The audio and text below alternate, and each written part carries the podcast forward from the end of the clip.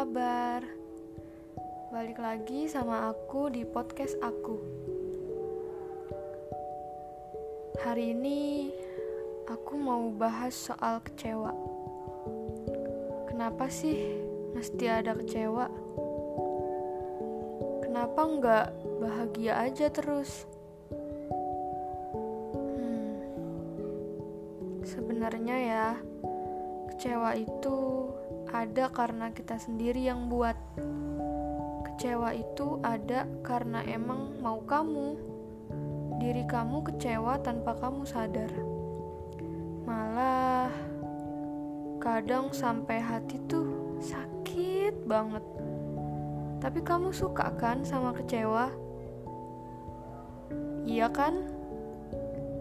Kalau enggak, kenapa enggak suka? Kan sering kamu ulang juga. Bahkan udah jadi teman deket kamu kan sekarang. Sekarang aku mau tanya kamu. Kamu tahu kan ekspektasi? Menurut aku, ekspektasi itu sebuah harapan yang muncul untuk masa depan kita. Ya, itu yang kalau berharap ketinggian terus ternyata nggak sesuai dengan apa yang diharapkan, terus malah mewek-mewek, nangis, sedih. Capek sih. Kenapa ya? Kenapa gitu? Kita suka banget bikin ekspektasi yang tinggi. Apalagi sama hal yang gak pasti-pasti banget gitu.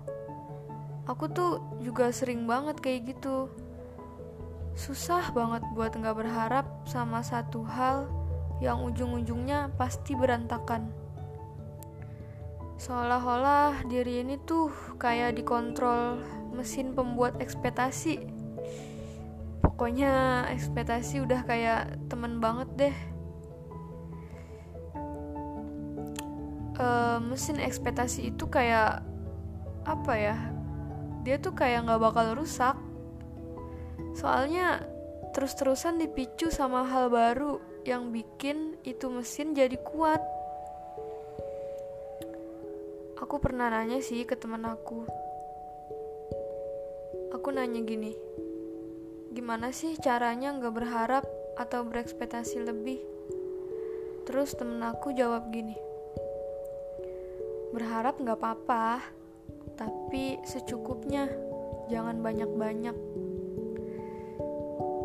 Tapi kan susah ya buat kontrol emosi. Apalagi hati dan pikiran juga sulit dikontrol, nggak bisa dipisahkan. Iya nggak sih? Apa aku aja? Kayak semuanya tuh jadi satu, susah buat misahinnya.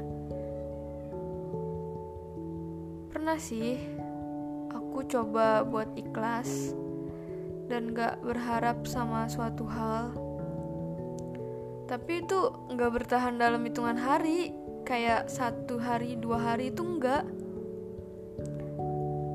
itu cuma bertahan dalam hitungan jam. Kayak misalnya satu jam aku berpikir ikhlas dan gak berharap. Kemudian dua jam tiga jam berikutnya udah lenyap kayak cuma trial doang ikhlas dan gak berharapku itu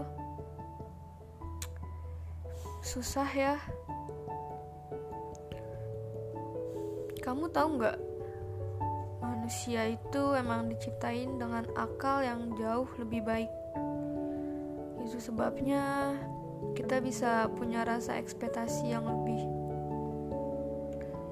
Wajar sih, apalagi kalau kita tuh berekspektasi sama apa yang menurut kita udah selangkah lagi dan pasti menurut kita.